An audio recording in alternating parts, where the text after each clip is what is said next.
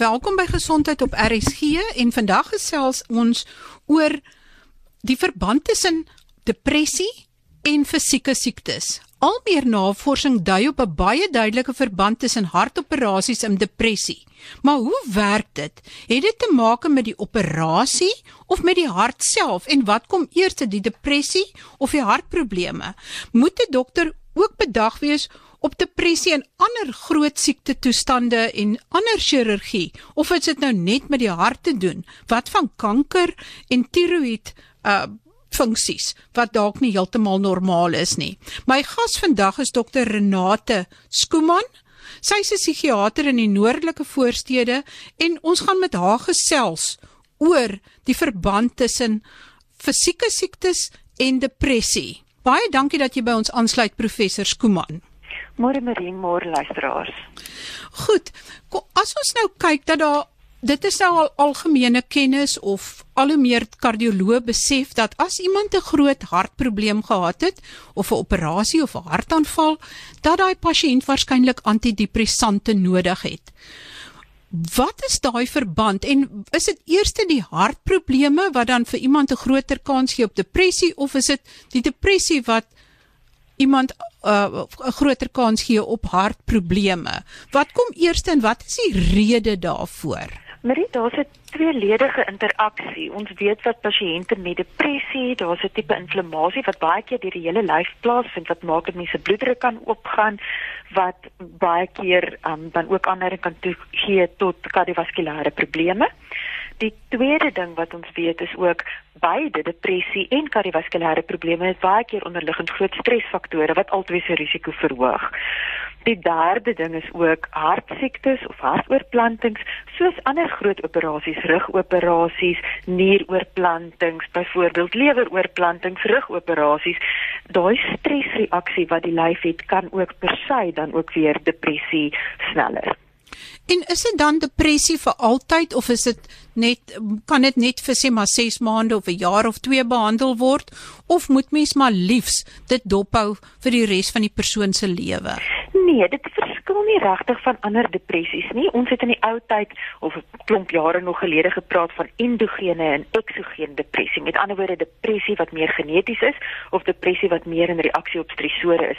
Ons maak nie meer daai onderskeid vandag nie. So as iemand depressie ontwikkel as gevolg van omstandighede of geneties of na 'n groot operasie, as mens dit ordentlik behandel, na een of twee episodes behoef 'n pasiënt nie noodwendig lewenslank op medikasie te bly nie. Dit is miskien 'n jaar of twee se behandeling. As iemand herhaalde depressiewe episodes het, dan kyk mens na langtermynbehandeling. Op 'n tyd het die dokters gewonder of dit nie dalk die bloed is wat deur die hart-longmasjien gaan wat dalk 'n effek daarop het nie. Is dit het dit enige iets te doen met die chirurgie self of het dit te doen met wat 'n mens se kop gebeur en wat met die hormone en ensieme gebeur? Groot ding is daar's nie duidelik nog 'n daai die teorie van die hartlongmasjien is nie bewys nie, maar die goed wat wel 'n rol speel. As ons dink aan enige groot operasie en dan ook hartoperasies. Een is hoe hanteer die persoon gewoonlik stres? Wat is die persoon se existing coping skills? wat ons hanteer. Is dit iemand wat um daai interne resilience het of stresveerkragtigheid het, is dit iemand wat goeie ondersteuningsnetwerke het. So dis een ding wat 'n rol speel. Die tweede ding wat 'n rol speel is die verlies wat die persoon het. Die verlies van 'n uh, die toekoms wat hulle hulle self voorgestel het. Dit het baie keer implikasies dat mens miskien moet aanpassings maak in mense oefenpatroon. Party mense moet dalk selfs vroeër aftree as wat hulle verwag het. So dis daai verlies van gesondheid, daai verlies van die toekoms wat ek vir myself gesien het. Dan het dit ook tot gevolg dat party mense 'n redelike lang periode uit werk kan wees wat dalk ook finansiële implikasies kan hê wat natuurlik 'n addisionele stresor is. En dan maak dit ook as iemand byvoorbeeld bedruk is dat hulle samewerking of wat ons noem compliance met die met medikasie nie so goed is nie. Um hulle voel dalk die lewe is nie die moet werk nie of hulle is meer vergeetagtig of sukkel om te konsentreer en vergeet om hulle hartmedikasie dan byvoorbeeld reg te gebruik. So baie van die depressie gaan oor die hulpeloosheid wat mense aan um, ervaar, die hopeloosheid, die verlies aan gesondheid die verlies aan finansies en dan ook byvoorbeeld ek kan nie oefen soos wat ek gewoonlik geoefen het nie. En verder wat ons ook baie keer sien wat nogal interessant is, is dat mense wat se operasie dan wel goed gegaan het, oorlewingsskuld het of survivor guilt het in terme van ander mense wat dalk nie so gelukkig was om betyds 'n operasie te kry nie of wat se operasies dalk minder suksesvol was. Ek dink dit kan seker veral in die geval wees van 'n hartoortplanting of 'n leweroortplanting waar iemand anders gesterf het en en dan dat dit nuwe lewe vir die ontvanger beteken. Absoluut. So ehm um, en dan wil ek gehoor het is daar spesifieke uh wat gebeur in die brein met depressie? Miskien kan ons net weer vinnig daarna kyk en as mens dan sê maar lank moet plat lê in die bed nadat jy 'n operasie gehad het of wat jy sekere drome moes prysgee, hoe dit eintlik daai situasie kan vererger met sê maar verhoogde kortisol vlakke of wat wat ook al. As jy miskien net vinnig vir ons kan verduidelik wat gebeur in die brein met depressie, sê maar veral major depressie en ook met bipolêr. Goed, bipolêr werk nou 'n bietjie anders. So ek dink kom ons hou by die major depressie op hierdie stadium wat meer toepaslik is nou oor ons onderwerp nou. As ons kyk na enige stresore, soos ek sê of dit nou gesondheidstresore is of dit 'n groot verlies is, finansiële stresore, dan skei mens meer kortisol af. En die kortisol het ook 'n sentrale effek in ons brein waar dit is wat ons noem neurotoksies. So dit kan letterlik van die neurone in ons brein brand wat dan maak dat hulle minder van die goeie oordragstowwe kan produseer. Byvoorbeeld serotonien, noradrenalien en dopamien. Serotonien is die neurooordragstof wat ons help om nie angstig te wees of nie depressief te wees nie, wat help met ons eetpatrone en ons slaappatrone. Waar dopamien gaan weer meer motivering en dryfkrag gee en maak dinge lekker en help met konsentrasie en noradrenalien met energie en ook met angstigheid en konsentrasie. So gewoonlik is die eerste probleem wat ons sien met serotonien en dan 'n meer komplekse depressie sien ons ook oordragstofprobleme met die ander twee. So as ons serotonien vlakke dan te laag is, dan probeer ons brein meer reseptore bou om te hoop hy vang al hierdie bietjie serotonien wat ons produseer raak. En dan raak die probleem eintlik erger, want nou is daar meer hongerreseptore en te min serotonien. En dis waar ons medikasie inkom om dan te help om die serotonien wat wel in ons brein vervaardig word, stadiger af te breek sodat dit beter met die reseptore kan bind en dat mens weer daai balans kan regstel. En dan oor tyd, soos wat 'n gebreekte been weer kan aangroei, kan al hierdie neurone in ons brein weer herstel en dan het mens nie meer langer die medikasie nodig nie en dis hoekom ons nie noodwendig langtermyn hoef te behandel nie. Sal iemand wat oor 'n langtermyn eintlik aan 'n tipe laaggraadse depressie ly, sal daar 'n groter kans wees dat daai persoon meer depressief is na sê maar hartprobleme of na ander fisieke ongesteldheid.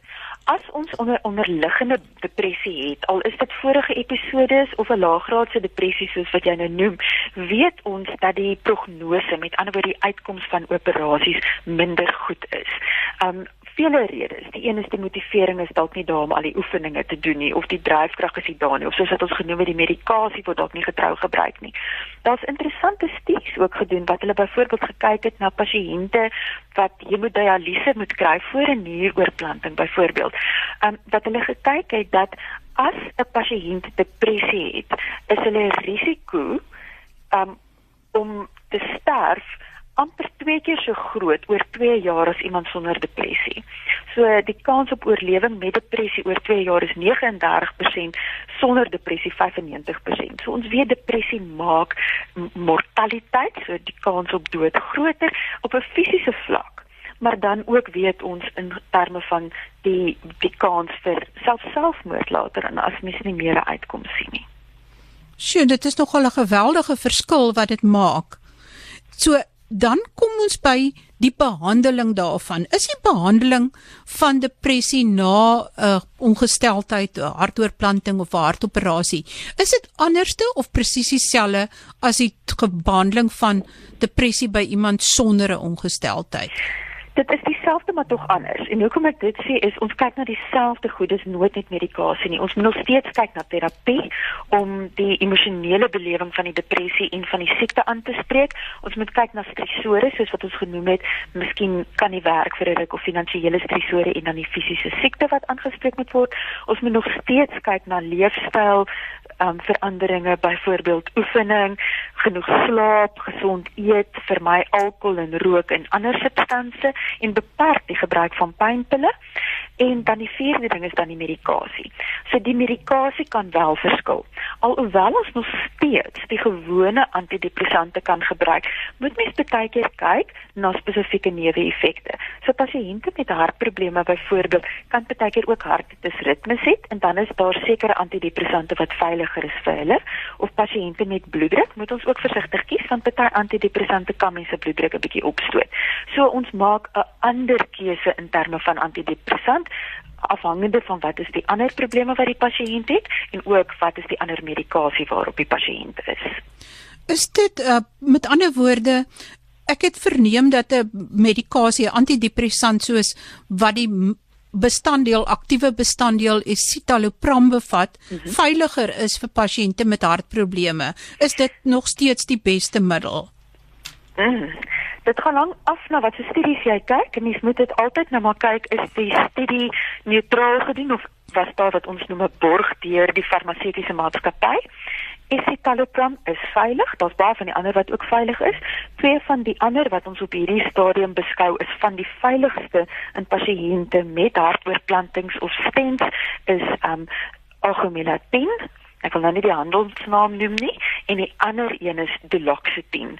So daar's 'n hele paar wat veilig is en mens kyk dan nog steeds na die tipe simptome wat die pasiënt het, maar ook ons moet altyd in gedagte hou wat se ander medikasie die pasiënt op is, want daar's byvoorbeeld moet van die pasiënte bloedverdunners gebruik na operasie en dan is daar van die antidepressante wat ons weer nie saam met dit wil gebruik nie.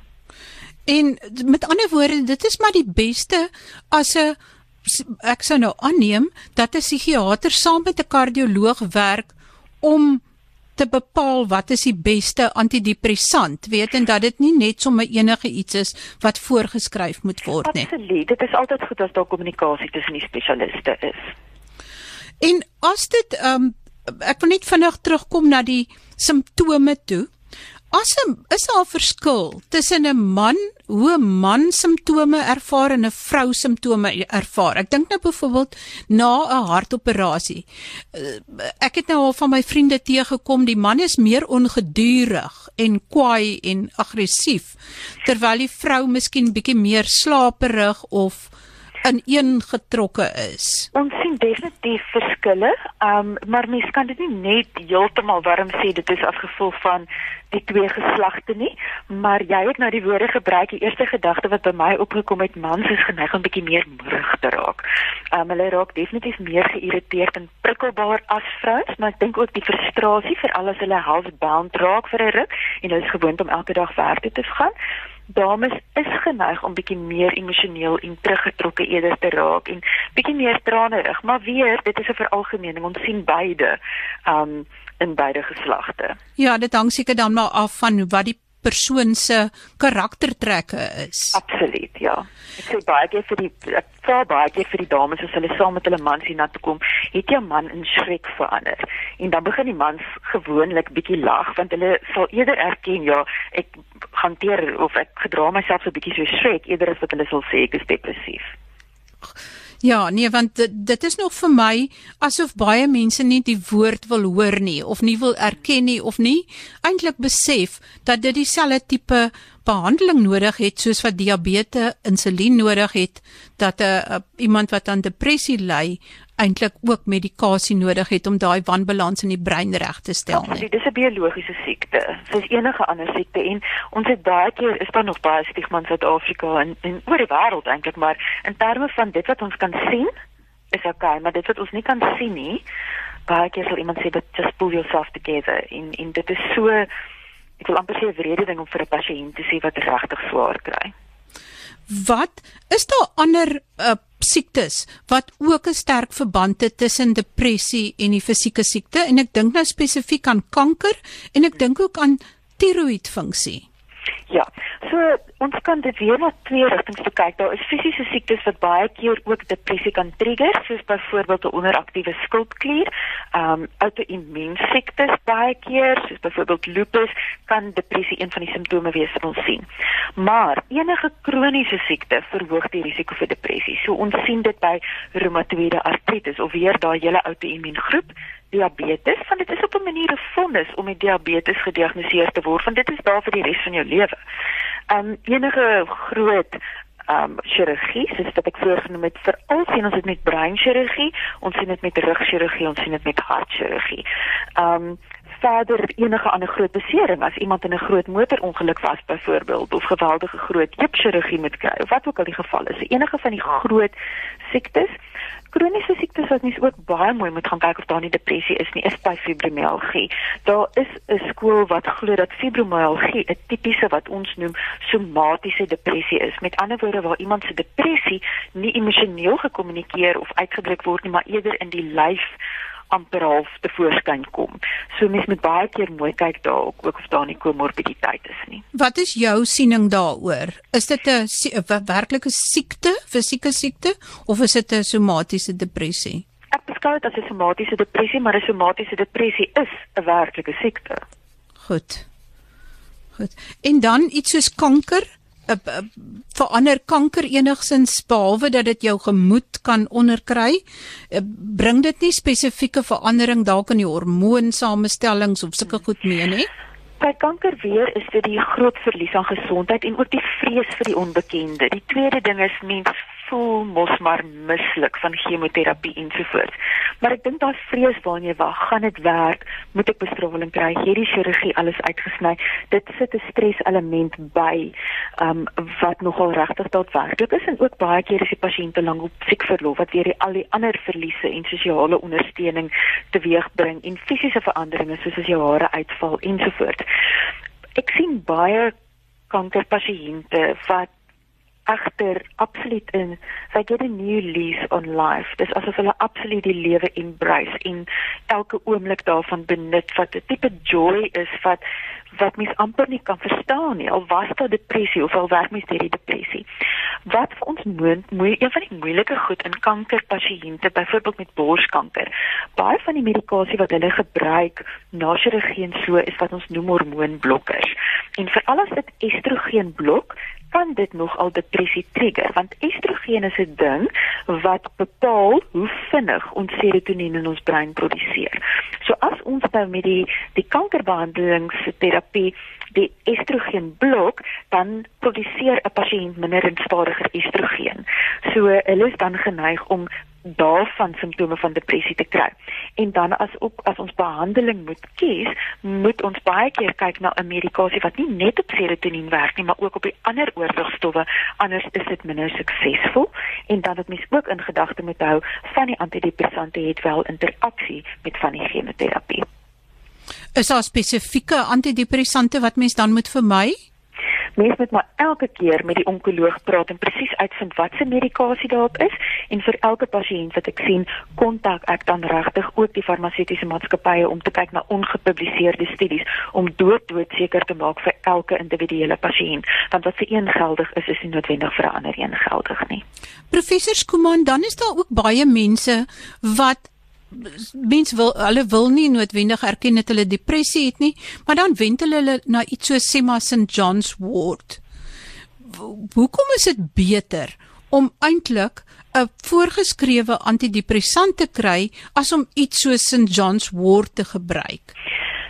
Twee redes daar is. As ons kyk na St John's Wood wat byvoorbeeld in Duitsland is waar dit gesien word as 'n erkende behandeling van depressie is dit 'n gestandaardiseerde dosis. Elke botteltjie wat jy kry se inhoud en sterkte is presies dieselfde.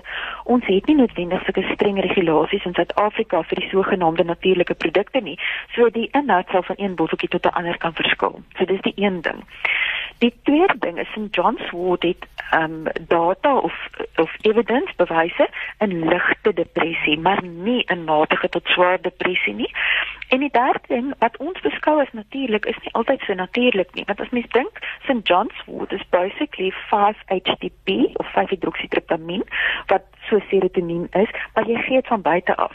waar meeste van ons antidepressante maak dat die serotonien wat jou brein natuurlik vervaardig nie so vinnig afgebreek word nie. So op 'n manier is 'n antidepressant dalk meer natuurlik as dit wat ons as natuurlike produkte van die rak afkoop. Maar wat is die kans dat 5-hydroxytryptamin wat nou 'n voorloper is van serotonien dat dit wel in die brein uitkom en wel die serotonien vlakke in die brein verhoog. Dis die probleem, want oor daar nie noodwendig studies is om te bewys wat ons hier op die mark het, die die die die, die companies kan ons nie van daai data voorsien nie. So ons weet nie en dit is eintlik die antwoord. Ons het nie bewyse of dit wel verder as jou maag vorder waar daar ook serotonien reseptore is nie, want die studies is nie noodwendig gedoen nie. So ons kan nie vir 'n pasiënt sê dat ons noem die biobeskikbaarheid um en dit beteken hoeveel van die medikasie by die reseptore in die brein uitkom wat ons het daai inligting op die ander geregistreerde medikasie maar op van die natuurlike produkte het ons nie daai inligting nie. So die kans is daar dat mense drink en dit kom regtig nie op die regte plekke uit nie. Dan wil ek net vra ek weet dat pasiënte met Parkinson se siekte ook geneig is tot depressie, maar ek verstaan dat dit nogal moeilik is om hierdie tipe depressie baie effektief te behandel. Wat is die rede daarvoor en is dit sodat dit moeilik reageer op die alledaagse middels? Ja, want mens moet onthou Parkinson is ook 'n progressiewe siekte en baie keer kom daarna 'n tydperk elemente van demensie in en dan verloor 'n pasiënt lus in dinge en belangstelling in die lewe wat nie noodwendig depressie is nie wat dan nie noodwendig op antidepressante gaan reageer nie. Die tweede ding met ons onthou by Parkinsonisme, deel van die probleem is jou dopamien raak minder en dopamien gee motivering en dryfkrag en joy. So ons kan medikasie gee vir die dopamien maar dit daar is potensieel ook neeweffekte daarvan want die neuroloog moet medikasie gebruik om dopamien hoër te maak. En as ons dan hulle medikasie met ons medikasie kombineer kan pasiënte de mekaar raak daarvan. So dis weer 'n siekte waar ek en die neuroloog baie met mekaar kommunikeer en saamwerk. En dit is so belangrik want albei partye moet weet wat die ander een doen in terme van interaksies van medikasie en ook in terme van um, die dosisse van die medikasie Professor Skuman, hoe meer mens praat, hoe meer besef mens dat dit wat in die brein gebeur is nie apart van wat in die liggaam gebeur nie. Maar as jy 'n boodskap, 'n afsluitingsboodskap het vir ons luisteraars, wat is daai boodskap wat jy wil hê hulle moet onthou? Ons het net een lyf en ons het net een brein. En as ons na die res van ons lyf kyk, na ons niere, na ons hart, na ons lewer, Hoekom is ons so geneig om ons brein af te skeep?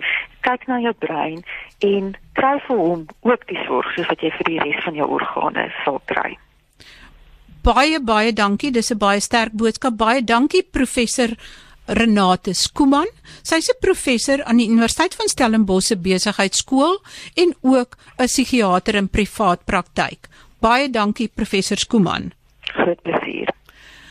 Baie dankie aan die luisteraars en skakel dus gerus volgende week in om te luister oor presies wat is daai gevaartye vir selfdood in iemand met depressie. En dan is daar ander programme wat wag oor die impak van rook, sigaretrook op die ekonomie, oor die jongste in kaakgesig en mondchirurgie, oor snork en oor 'n baanbreker chirurg van Kaapstad wat baie baie interessante chirurgie doen. Dis nog alles programme wat wag. Maar sluit gerus volgende week weer by my aan. Groete van my, Marie Hudson.